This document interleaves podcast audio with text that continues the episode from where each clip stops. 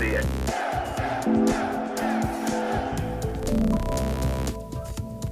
Všem lidem, co dobrou vůli mají a dnes k nám zdaleka i zblízka cestu vážili, se na vědomost dává, že se bude provozovat veliká komedie, v kteréž to se ukáže, jak čistota srdce před zradou chrání, jak víra v člověka nejšpatnější úmysly zažene.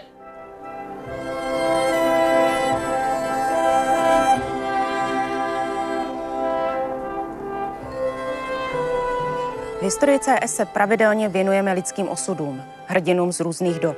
Ale dnes se výjimečně zaměříme na bytosti neživoucí dřevěné postavy. I oni mají bohaté dějiny a i mezi nimi a jejich tvůrci vyhledáme osudy dobrodružné, hrdinské a přitažlivé napříč generacemi. Teatroluška Nina Malíková. Dobrý den. Estetik a filmový dokumentarista Pavel Jirásek. Děkuji za pozvání, dobrý den. A také historik a loutkoherec Jan Novák. Dobrý den. České loutkářství je od roku 2016 zapsáno na seznamu Světového nehmotného kulturního dědictví UNESCO. Proč bylo zapsáno Loutkové divadlo na tenhle ten seznam nehmotného kulturního, dědit, kulturního dědictví, je, že Loutkové divadlo stále jak si patří do našeho kulturního života. Kohokoliv se zeptáte, i z malých dětí, starších lidí, každý má nějakou představu o tom, co to loutkové divadlo je.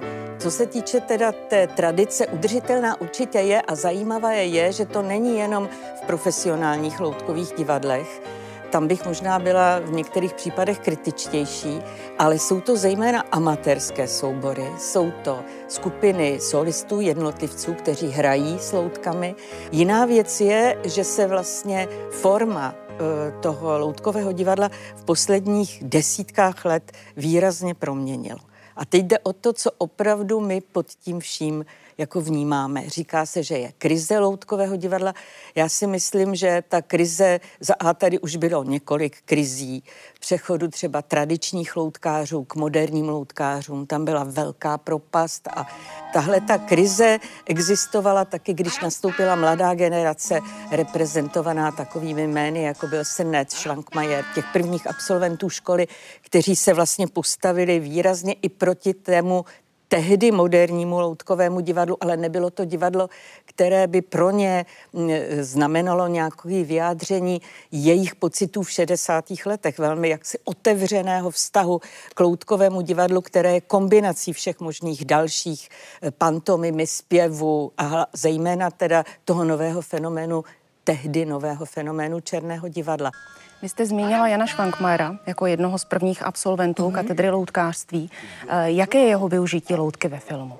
To jeho okouzlení tradičním loutkovým divadlem prolíná jeho celou tvorbou od počátku, kdy třeba asistoval Radokovi u nezapomenutelného filmu Faust, který byl dělaný pro bruselskou expozici a pro Laternu magiku a tam asistoval, ale myslím, že tam už jsou vidět rysy Jana Schwankmajera. To, to kouzlo té loutky jako artefaktu a jako divadelního prostředku je v, celý, celé jeho práci vidět.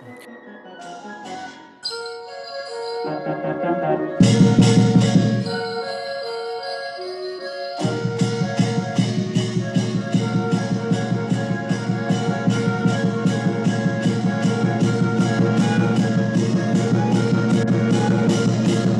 Já musím říct osobně, že třeba eh, ten vztah můj k, k té ochraně UNESCO je dvojí. Eh, první taková ta em, emocionální radost, já mám opravdu obrovskou radost, že se to podařilo, něco takového. Ale zároveň eh, musím být kritický vlastně, protože ten, ten pojem české loutkářství je otázka, co je na něm českého. Mohli bychom hledat, co je na něm evropského nebo prostě univerzálního. Tady vlastně se chrání jakási živá tradice. Eh, mně není jasné, jak tuhle tu živou tradici chránit. Jakým způsobem můžeme prostě eh, nějaké speciální nadání národa, pokud teda existuje, to, to já, já tomu úplně nevěřím, ale nicméně jako aspoň v té skupině těch insiderů, se kterými se setkávám, tak to nadšení pro tu loutku je mm, jako pořád obrovský. Samozřejmě loutku vytlačují v dnešním mediálním světě veškerá média, že jo, ta loutka se dneska přesunula do počítače, do animací a tak dál. Já bych akcentoval eh, to amatérské loutkové divadlo, protože domnívám se, že ono je tím prvotním nositelem toho fenoménu a té tradice. Mně se shodou okolností v době, kdy bylo to České loutkové divadlo zapsáno na seznam UNESCO, tak mi v té době vyšla kniha, která se jmenuje Fenomen českého loutkářství.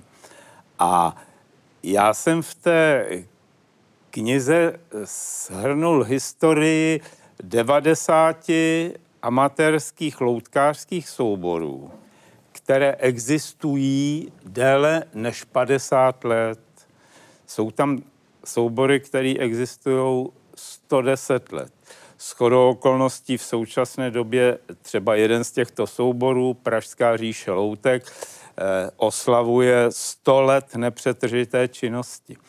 V těch 90 souborech jsou soubory, které hrajou opravdu velmi tradičně a řada moderních tvůrců by na to hleděla na jejich produkce s despektem, ale oni přesto dokážou hrát takovou dobu a mají publikum.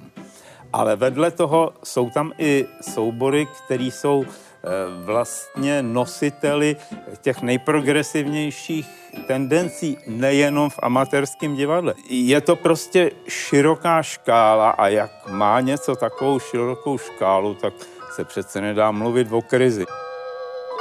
Když se v roce 1928 otvírala na Starém městě říše loutek, byla tehdy nejmodernější scénou v Evropě.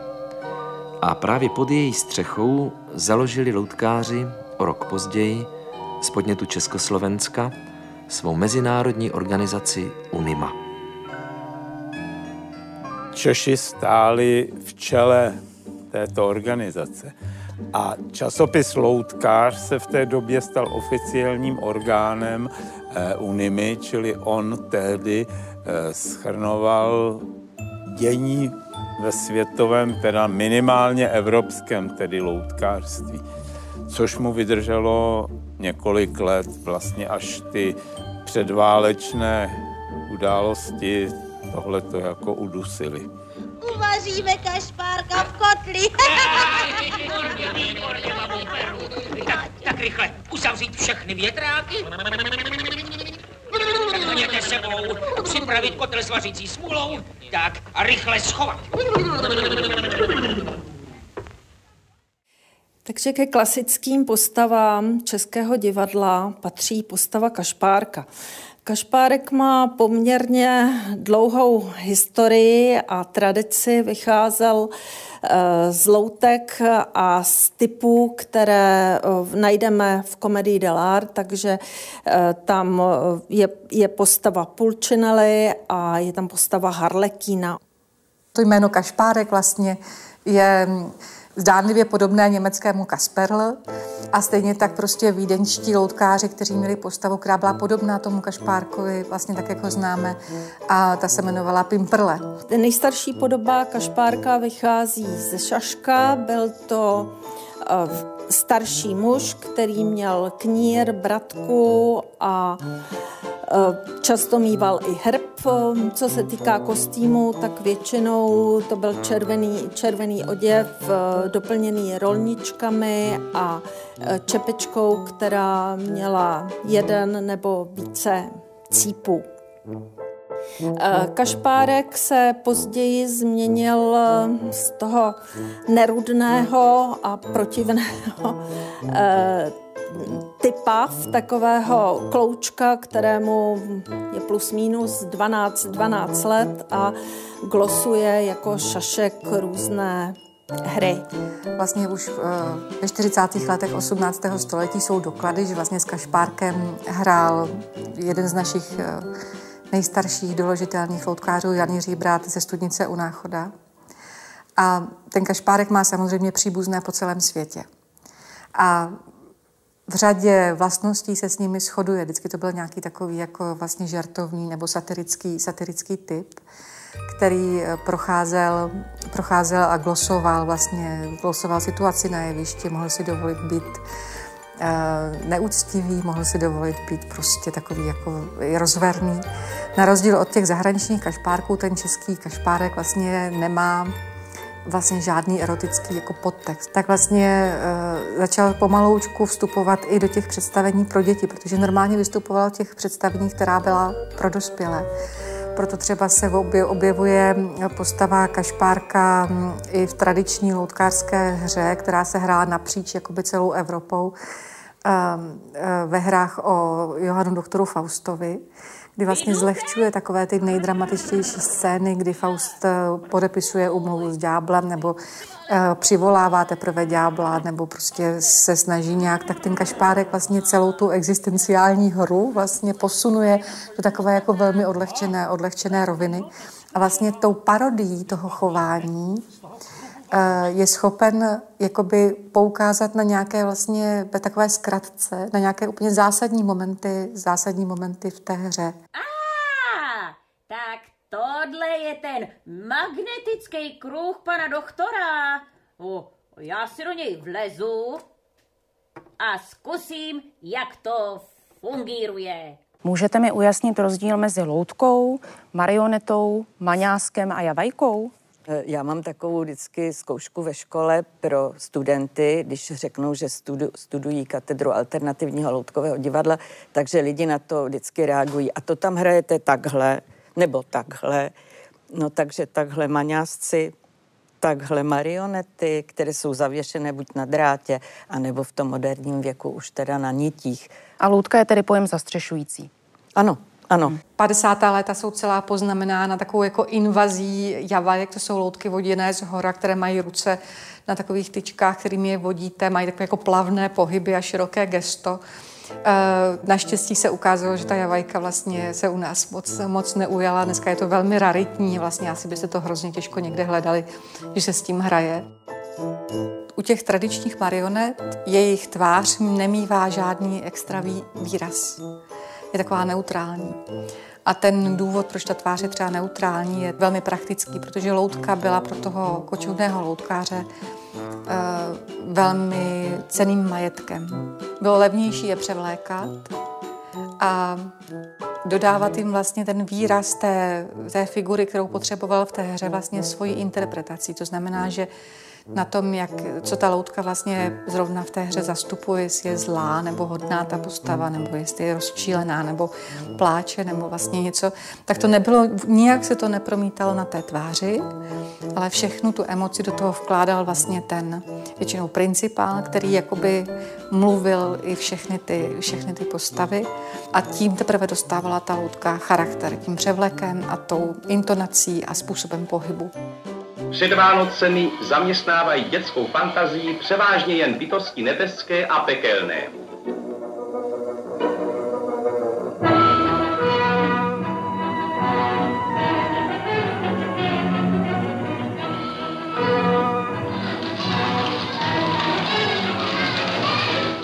Pro českou kulturu je obecně, nebo do jisté doby byla eh, velmi užívná eh, takzvaná ta dřevěná řezbovaná marioneta a to v podstatě hodně dlouho, až do nějakých 50. let 20. Eh, století. A tam se projevilo mm, to umění jako těch českých řezbářů, kteří přesně tak dělali chrámové práce. A přestože my mluvíme o lidovém loutkářství, protože ono tak fungovalo, to loutkářství, jako celek, tak ty marionety nebyly, nedá se říct, že by byly lidové, protože často řezali výjimeční řezbáři a měli tu kvalitu. Srdce mé krvácí nad vaší falešnou ošemetností. Již nebudete rozkoší lásky užívati, jakých jste dosud užívala. Hmm. Kočovní loutkáři byli většinou hlavně interpreti a potřebovali eh, ty loutky mít jakoby co nejkrásnější. Obraceli se na takové významné vlastně Eh, dílny, které produkovaly speciálně pro ně, pro ně jakoby loutky. Často uh, tam byla taková velká jakoby vášeň a řevnivost, aby ty loutky ten daný řezbář nikomu jinému už nevyřezal jakoby stejné. A obraceli se často uh, k těm nejlepším, to znamená k těm, kteří třeba předtím jako řezbovali sochy do barokních kostelů. Proto i ta podoba těch loutek, eh, těch nejstarších, vlastně je hrozně podobná té barokní řezbě, tak jak ji známe z našich kostelů. To znamená, že vlasy a vousy jsou řezané z jednoho kusu dřeva, vlastně nejsou tam žádné paruky. Řezalo se hlavně z lípy, protože to dřevo je velmi měkké. Barokní řezba se vyznačuje třeba i tím, že se řezalo takzvaně na zeleno. To znamená, že vlastně se řezalo nejdřív do měkkého dřeva, vyřezal se ten základní vlastně nějaký tvar a teprve potom, jakoby, když to dřevo vyschlo, se dořezávaly ty jemné jakoby, vlasy a vousy a ty jemné, jemné rysy. No ty jsi nějaká vysoká.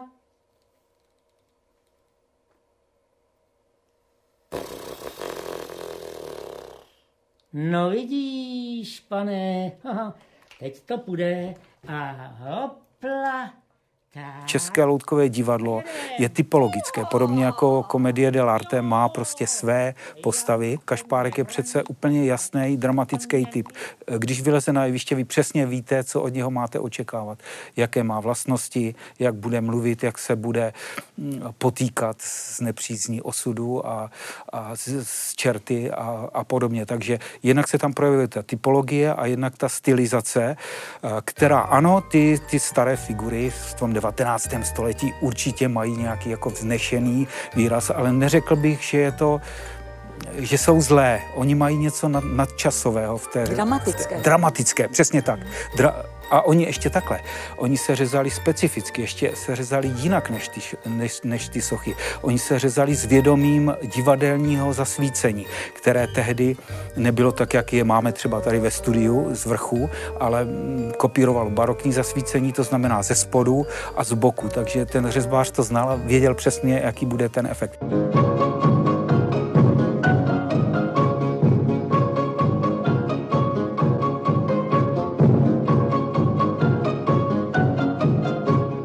Když se rodilo to, čemu dneska říkáme moderní loutkové divadlo, tak eh, vlastně mělo takovou eh, vizi, že eh, ta dokonalost jeho je v tom, že dokáže totéž, co činoherecké divadlo. Čili tomu se přizpůsobovala i ta výtvarná podoba těch loutek, která se snažila co nejvíc kopírovat a zobrazovat lidskou figuru. Jo, včetně proporcí tělesných. A teprve později přicházejí tvůrci, eh, kteří zdůrazňují nebo stylizují. A eh, došlo to v té současné době až k tomu, že vlastně eh, loutka se čím dál víc stává znakem, metaforou, že se dneska třeba pracuje s předměty, eh, často i s něčím, čemu by člověk normálně loutka neřekl. Je to prostě najednou eh, objevení a akcentování metaforického eh, potenciálu té loutky. Jo, že ta loutka vlastně, ta klasická loutka je vlastně artefakt sám o sobě. A v tom metaforickém pojetí toho loutkového divadla eh, často ty předměty sami o sobě valnou eh, hodnotu jako nemají. Čas, můžou to být i předměty denní potřeby. Ale tou divadelní akcí se stávají prostě metaforou.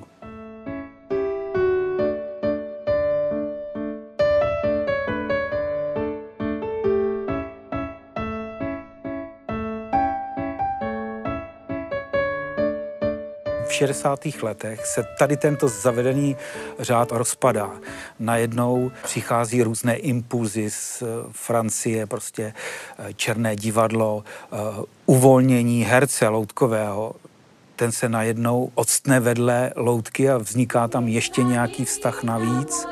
Jednak ho vede, ale jednak může také, také s ní hrát, takže se to všechno komplikuje. Eh, komplikuje se i scenografie a vlastně to završené tím, že přichází místo loutky eh, do hry právě ten předmět. Vstup toho předmětu na to loutkové divadlo, myslím, že nefigurální vlastně kdybych chtěla být přesná, tak je v těch 60. letech a začíná to černým divadlem, ale které černé divadlo zase vychází z něčeho, že to byla vůbec i v poezii, v těch malých scénách oslava obyčejného všedního dne a všedních předmětů. Že existují i knížky, oslava, já nevím, básně na knoflík, básně na hrneček, básně na obraz, na ty úplně jednoduché předměty, které se dostávají vedle člověka, najednou do centra pozornosti. Ale když si vezmeme tu skleničku, tak ona je loutka. Ona klidně dokáže teď povídat, jestli má hodně bublinek nebo málo bublinek, jestli si rozumíme. Může být teda ta sklenice loutkou, ale pokud ji mm, nějak obdařím životem, bude jednat jako člověk, bude mluvit o tom, že je plná, že má teda ty bublinky, bude se chovat jako člověk bude jednat jako člověk. To je právě ta, ta složitost toho loutkového divadla, které se ho, hodně proměnilo. A když uvažujeme o tom českém loutkovém divadle, tak uh, musíme asi uh, uvažovat o něm v, těch, v této komplexní jako podobě, což není úplně uh, jednoduché. Uh, uh, uh, budeš pány čertveme? Já bych se chtěla vrátit k té živé konfrontaci e, loutkoherce a dřevěné loutky. E, myslíte si, že na jeviště, na scénu e, patří nebo by měla být vidět jenom ta loutka? Rozdělilo to svým způsobem loutkáře i vlastně příznivce toho divadla, že jsou dokonce teorie, že to vedlo k zániku toho tradičního českého loutkového divadla. Ale je to nesmysl. Prostě věci se vyvíjí a tak, tak, tak, tak jako živý fenomén, jako je loutkářství, nemůže trvat na tom, že pořád to by byl jakýsi, ani ne folklor, to by byl folklorismus, kdyby jsme pořád s, marie, eh, s marionetami hráli, i když vždycky, a řekl to už tady Honza, vždycky budou lidi, kteří to budou dělat, protože tak to je. A Dzin kouká, a vidí kolem sebe kolečka, byly to peníze. A ta kolečka poskakovala a tančila kolem Dzina podivuhodný tanec. On, když pan profesor Krofta začal měnit klasickou loutkovou školu na Damu, prostě celou katedru, ale on, ono to muselo přijít, že on to otevřel ty dveře eh, těm různým alternativním směrům. Ale došlo k tomu, že vlastně v určitou chvíli se začala ta loutka opravdu vytrácet, že oni se začali zabývat eh, a já jsem o tom diskutoval s loutkaři, je začín, začalo třeba zajímat světlo jako loutka a tak dál. Takže ta dřevěná marioneta se začala uh, vytrácet. Tak já bych to ještě trošku vrátila. Uh, objevil se teda herec vedle loutky, objevili se ale tímhle tím ve stejném jevištním prostoru přestalo být ten odděl, kdy teda ten vodič není vidět a vidět je jenom ta loutka, ať už je za tou loutkou a vede ji ze zhora, nebo je někde dole a vede ji přes paraván, postavil se vedle té loutky. Takže najednou se otevřely další možnosti, které jsou. To znamená nejenom, že my vidíme, jakým způsobem to manipuluje, ale může dojít i k takovému jako dialogu mezi loutkou a tím hercem v tom jednom jednotícím prostoru, ale komu se neuvěřitelně otevřely dveře, byli scenografové kteří najednou nebyli blokovaní jenom tím, že teda mají nějaký prospekt navrhnout a kulisy a přes ty teda ten vodič vodí tu loutku, ale že teda mohli vymýšlet další možnosti, rozvolnit ten prostor. A mm, to je jaksi pozitivní. Ono, ten vývoj vždycky, nebo velmi často e, se nějakým způsobem vrací. Jo, v době, kdy převládalo to pojetí loutkového divadla, nebo převládá, e, o kterém e, teď byla řeč, tak se tady poměrně pravidelně objevují inscenace prakticky klasicky iluzivní. Režisér Tomáš Dvořák, plzeňský, v naivním divadle v plzeňské Alfě, kde jsou to jenom ty loutky a troufnu si tvrdit, že to byly e, většinou dobově nejúspěšnější inscenace, které se objevily. To je takový paradox, že na počátku 90. let se najednou objevily, objevilo několik inscenací, které vlastně těžilo z té tradice a které byly prostě sakum prask iluzivní, ať už to byla třeba barokní opera e, bratrů Formanových, anebo to byl Bezhlavý rytíř v najdním divadle. To byl vlastně, to byla taková jako vzpomínka, nebo návrat, nebo sentimentální návrat, ale o stupínek výš vztahu k té, vztahu k té tradici. A já si myslím, že po určitém období eh, okouzlení těmi prostředky, novými prostředky, které se objevují eh, v tom, co pořád ještě nazýváme loutkovým divadlem, tak že tady bude zase takový jako comeback toho, toho tradičního loutkového divadla. Co sobě z toho děláte? Vemte to, co k tomu máte. Tak milej, milej roku, píše mami na trochu, píše mami na trochu. Rodinná loutková divadla, která byla za první republiky rozšířena, takřka se říkalo, že každá slušná rodina má nějaké rodinné loutkové divadlo. Ta tradice vznikla po velké výstavě, která byla v roce 1911 a potom 1928 v Praze, kdy se vystavovaly tradiční loutky kočovníků v Praze a vzbudilo to obrovský zájem vlastně a bylo potřeba najednou uspokojit jakoby poptávku po tom, že každý to chtěl mít doma. Lidé si mohli koupit buď to komplet divadlo, to znamená, že, jak to vidíme tady, bylo v krabici se skládané, podlepené, a nebo si mohli koupit e, volné archy, které byly vytvořeny většinou technikou barevné litografie. Jednalo se o Eh, obvykle šestibarevný tisk a potom se ty jednotlivé dekorace podlepily buď to na karton nebo na překlišku a vyřezali. A pro ta rodina loutková divadla se samozřejmě potřebovala nějaké loutky a ty se ty modeloval potom Karel Kobrle podle návrhu Mikoláše Alše, říká se jim Alšovky. A jsou to uh, krásné loutky zhruba o velikosti 25 cm v těch prvních sadách. Brzo jich bylo 80 typů, takže jste si mohla vybrat. A bylo to tak, že jste si kupovala vlastně nějaké typy, které jste chtěla, s kterými jste chtěla něco hrát a pak jste si dokupovala další a další. Eh, těch výrobců bylo více, nejenom Antonín Minzberger, ale i firma Modrý a Žanda, potom firma Jeka, což byly manželé Jan a Eliška Královi. A bylo to, bylo to strašně populární, populární až tak, že třeba jsou záznamy eh, v některých filmech, kde třeba Jindřich Plachta hraje vlastně ve filmu jen tak mimo děk prostě pro své děti loutkové, eh, pro své děti loutkové divadlo, nebo třeba ve seriálu Chalupáři se objevuje taky scéna, kdy Josef Hlinomas hraje rodinné loutkové divadlo. A je taky hotově. Já vám ukážu rošťáci. Já jsem čert a tady mi žádnej moje jeleny honit nebude. Já si budu svoje jeleny honit sám. A vy, vy můžete jít do prčic. No. Dědo, Až... pro boha, dědo. Už jsi zase vulgární. A v čem proti, prosím tě, jsem vulgární? Vždyť ty děti nic jiného neslyšejí, než já ti dám facku, dostaneš facku, ty mě dáš facku.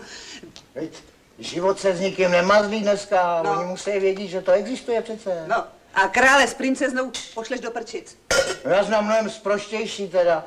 E, většina těchto divadel, které vidíme kolem sebe, nebyly určeny jako hračka dětem, ale byl to takový ten zázrak a půvab e, divadla, e, že rodiče nebo prarodiče hráli pro děti, případně starší sourozenci pro malé děti. Tady vidíš čerta. S ním hrál Matěj Kopecký před stolety. A takhle nám ho nakreslil Mikuláš Aleš. Když diskutujeme o Českém loutkovém divadle, musíme se dotknout legendárního zakladatele Matěje Kopeckého. Vím, že divadelní historička Alice Dubská tento názor rozporovala. Jaký je dnes přístup k osobnosti Já si Matěje myslím, Kopeckého? Eh, ponechme si tu legendu, která je tak hezká a taková léta jsme ji budovali, že eh, ve škole se to učí a vlastně to jméno znají i v cizině, povedlo se nám to tam jako infiltrovat. I když Matěj Kopecký a ta legenda o něm má skutečně spoustu otazníků, ale tam se šťastně, do, ať už je to jakousi propagandou, chtěním, dobrou vůlí, naším sentimentem, tam se prostě protknulo několik věcí, že se nám podařilo vytvořit, ale ať mě teda loutkáři ne, nebijou, Járuda Cimrmana loutkového divadla. Který vlastně my všichni jako ano, ten legendární zakladatel, to byl Matěj Kopecký, vůbec není, mm, tam se pořád hm, hovořilo o tom, jak se narodil, kdy se narodil, konečně se našlo teda, kdy se narodil, že ve východních Čechách eh, datum narození se pořád všude plete, eh, než se to teda ustálilo na tom 1775. A ten portrét Mikuláše Alše? Ten je taky spochybněný, protože podle pasového obrázku eh, vůbec Matěj Kopecký tak nevypadal, ale všem se to hrozně líbí s tou bratkou a, a s tím šátečkem kolem krku a s tím koníkem a vychrtlý a hubený a nešťastný. A mm, ještě veškerá legenda, která neplatí, kdy to hrál, hrál jeho tatínek, jeho otec, byl ten správný loutkář, který potom ty loutky vlastně přidal synovi, ale syn se stal loutkářem až ve 44 letech, ne, že prostě od malička byl a, a schořel mu dům a proto musel jít s, s těma loutkama. E, to je tolik e, veselých legend kolem nebo vy, možnosti vyvracení, takže já většinou říkám, prosím vás pěkně, jediná skutečně doložená pravda je, že Matěj Kopecký byl že byl a hrál to loutkové divadlo. Ale e, právě paní docentka Alice Dubská e, prostě dokázala, protože existovalo pořád ve všech e, knížkách, zmínkách, v lejstrech jméno Jan Jiří Brát. A kdo to byl? Ano, přišlo se na to, že to byl o 50 let mladší, starší loutkář, skutečně loutkář, vlastně první náš prokázaný loutkář, který ale vůbec nebyl tak, ta, ta legenda se zbořila, protože on se stal i měšťanem, koupil si dokonce v náchodě dům, hrál, hrál i jako na dvorech eh, měšťanských, čili nebyl to ten potulný loutkář, tak jak jsme si ho vytvořili, ale jak, ale jak si ho ponechme si, ono to, jako, ono to vlastně vypadá dobře, že vlastně takovýhle člověk, který měl rád ty loutky, to dokázal to nějak nás natolik okouzlit, že si to ten národ pamatuje, že to s ním spojuje.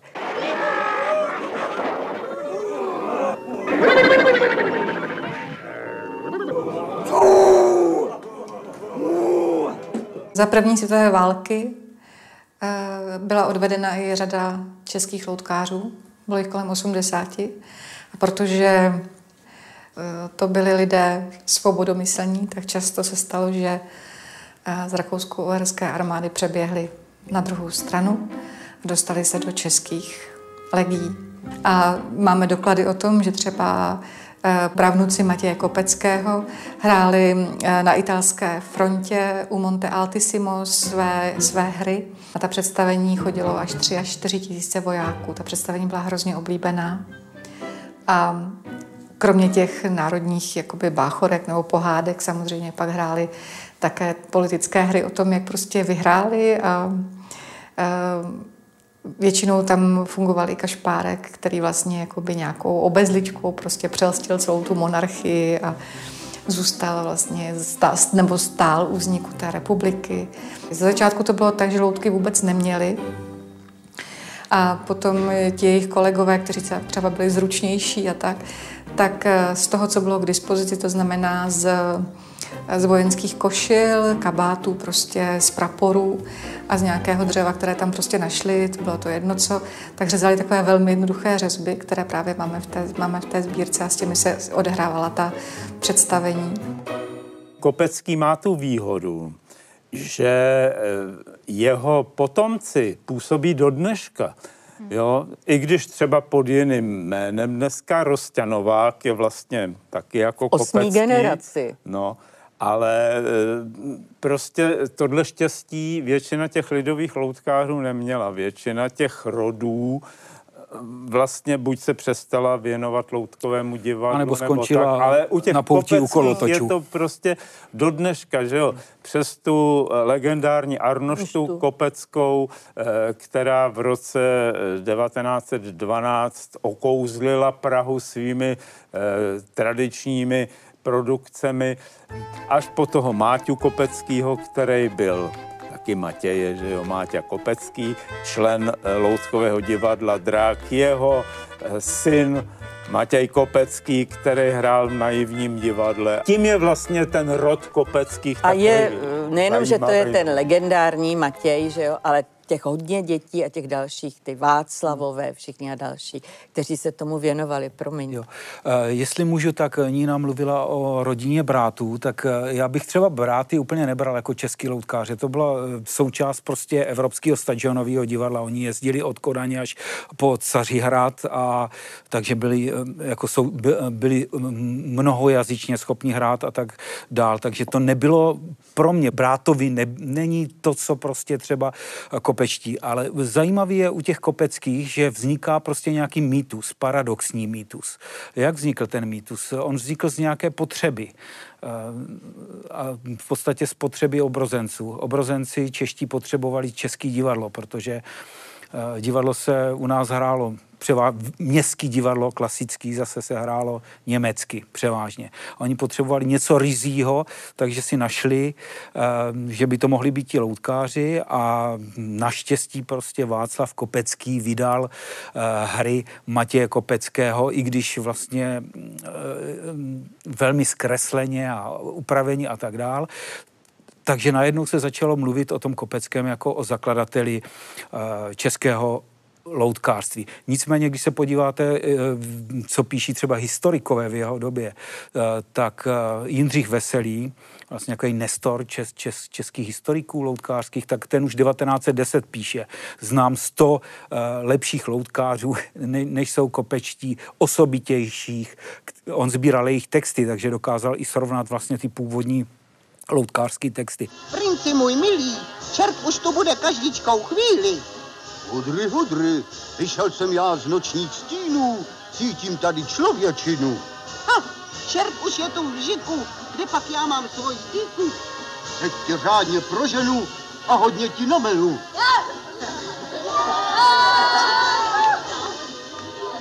Na konci 19. století kočovalo po českých a německých zemích zhruba 80 eh, kočovných loutkářských rodů.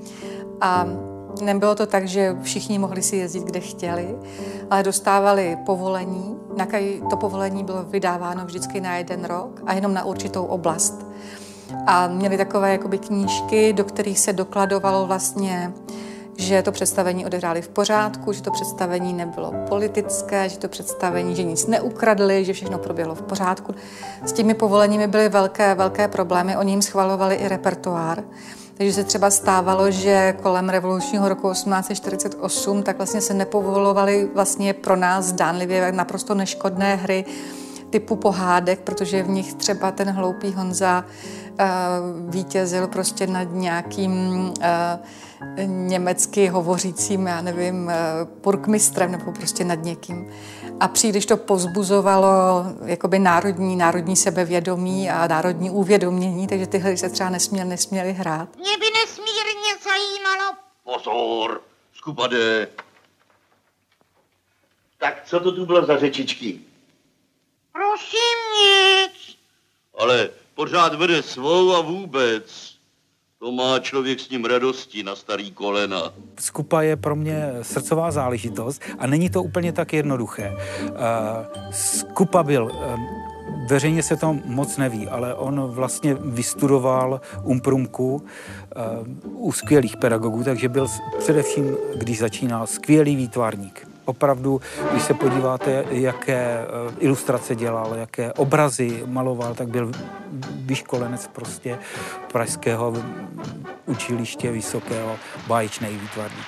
Ale který od počátku ho zajímaly loutky. Mezi jeho první loutky patří třeba maňásky, které jsou na evropské úrovni, který udělal před první světovou válkou avantgardní, nádherný maňásky. Byl, byl, a, a teď tenhle ten člověk měl spoustu jiných vlastností, kromě toho, že byl excelentní výtvarník, tak byl vynikající divadelník. Eh, všichni, včetně Trnky, kdo na něho vzpomínají, tak popisují.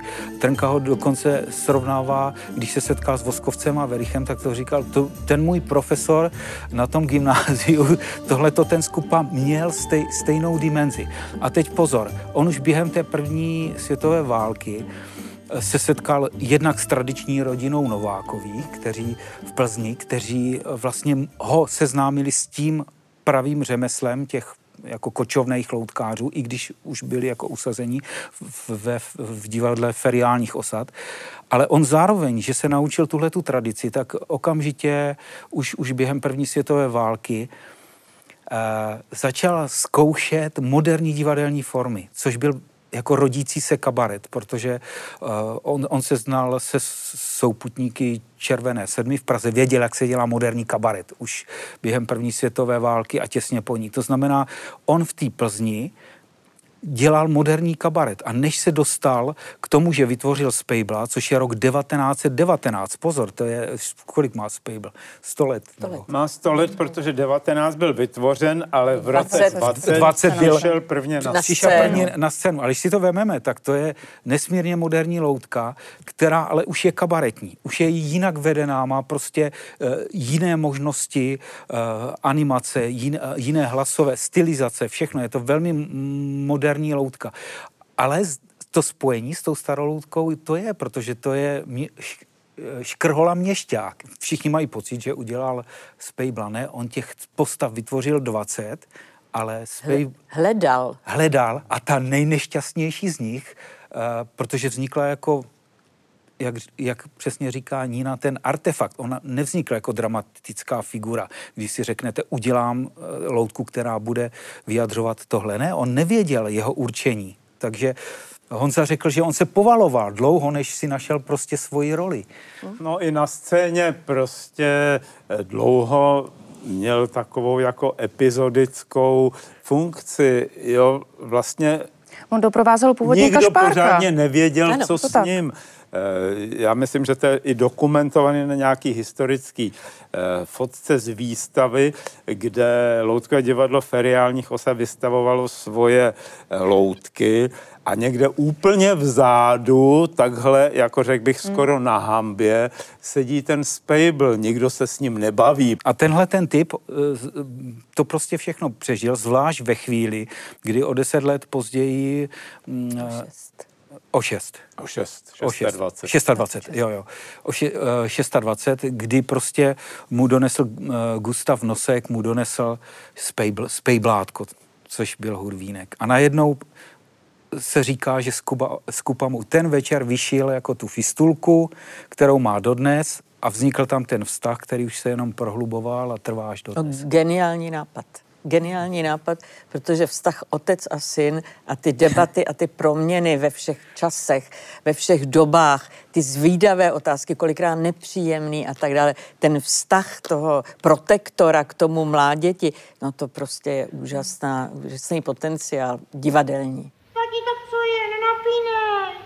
A jestli mi se už chceš posechně nasadit nějakou ženskou, tak to víš, to si nehraj. Mlčíš a slyšíš dále. Růžové dálavě blekotá nám hvězda šťastné budoucnosti vstříc. Skupa vlastně se vždycky snažila ve svých představeních jako reagovat na tu politickou situaci, nenechávala ho to vůbec jako chladným. A v jedné zprávě SS se píše, že eh, Benešovi přívrženci nadšením přímo třeštili. Taková představení zničí více, než lze vybudovat za celý rok práce na výchově českých lidí k smýšlení. A takže oni potom cíleně po něm šli, vlastně neustále sledovali ta představení, hledali vlastně všechny ty možné narážky, ale nepodařilo se jim ho za, tu, za ty hry se jim ho jakoby nepodařilo zatknout, ale podařilo se jim to za poslouchání zahraničního rozhlasu. A ta obava, že by ty loutky mohly dál něco říkat a dál jakoby povzbuzovat vlastně jako tu, ty protiněmecké nálady, se odráží v tom, že kromě skupy zatkly teda i ty loutky, Spejblá Hurvínka a ty loutky byly zavřeny v Plzni na gestapu v Trezoru.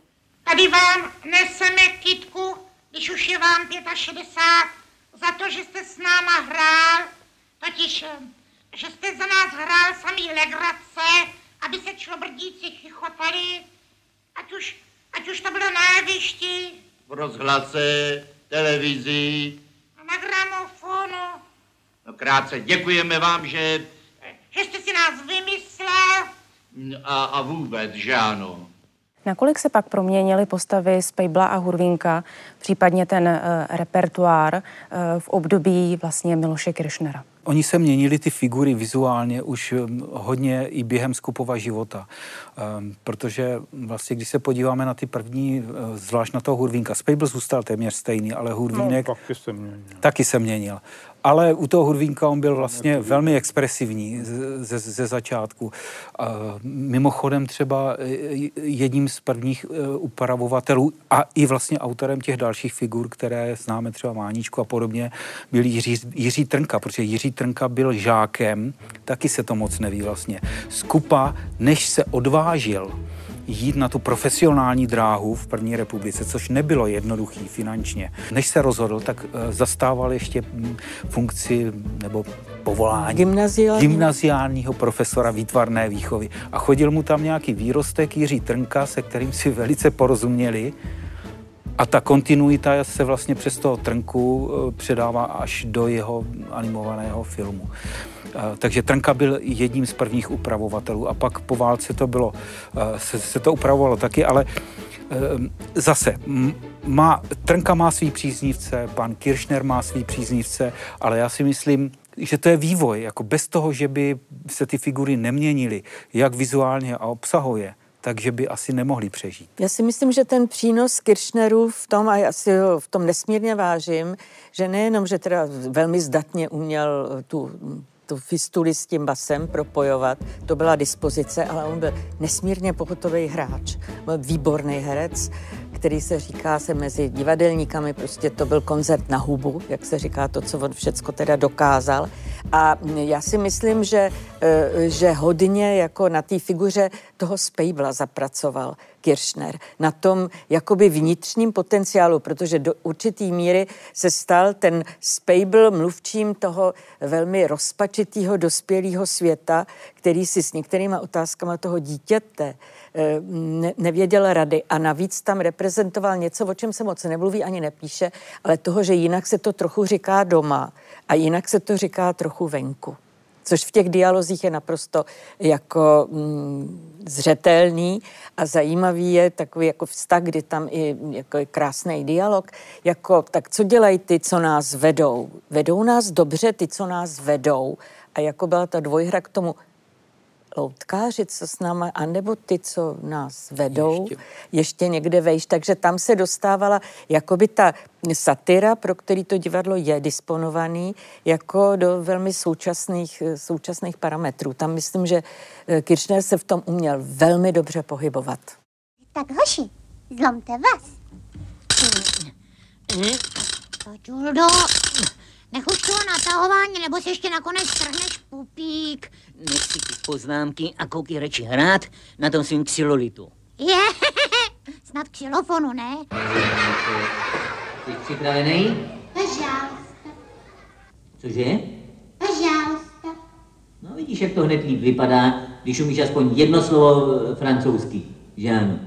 Skupa vlastně eh, tak, také hrál eh, třeba v Londýně a dokonce byl první, který dovedl loutku velmi intenzivně do, do, do, do televize, tehdy do, do, BBC. do BBC, což bylo úžasný. Eh, těsně po válce se to stalo. A já jsem zjišťoval vlastně, co asi tam tak hráli, aby mm, ti angličani se chytali, a, protože to tam mělo velký úspěch. A, tak nakonec jsem zjistil, že to vlastně bylo nonverbální divadlo, že to byly všechny ty variatní kusy a podobně podobně. Zatímco pan Kirchner byl schopen předělat to představení tak, že ho zahrál prostě v jiném jazyce na jiném kontinentě, když to tak řeknu. Ich ni san hai. Shanto kunda jo. No kongiri mitai na to da snadžána jo. Gak fumo yome nakte i, no?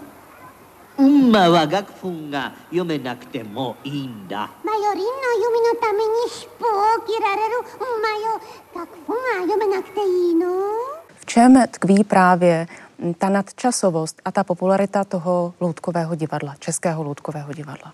Já jsem nikdy o tom nepřemýšlela. Měla jsem to za něco tak strašně pro mě e, přirozeného, že prostě ne, že by teda bez toho neexistoval život, neexistoval kulturní život, a že každé malé dítě musí vidět po, po jednom představení loutkového divadla. Já si prostě myslím, že to hm, patří do kulturního povědomí.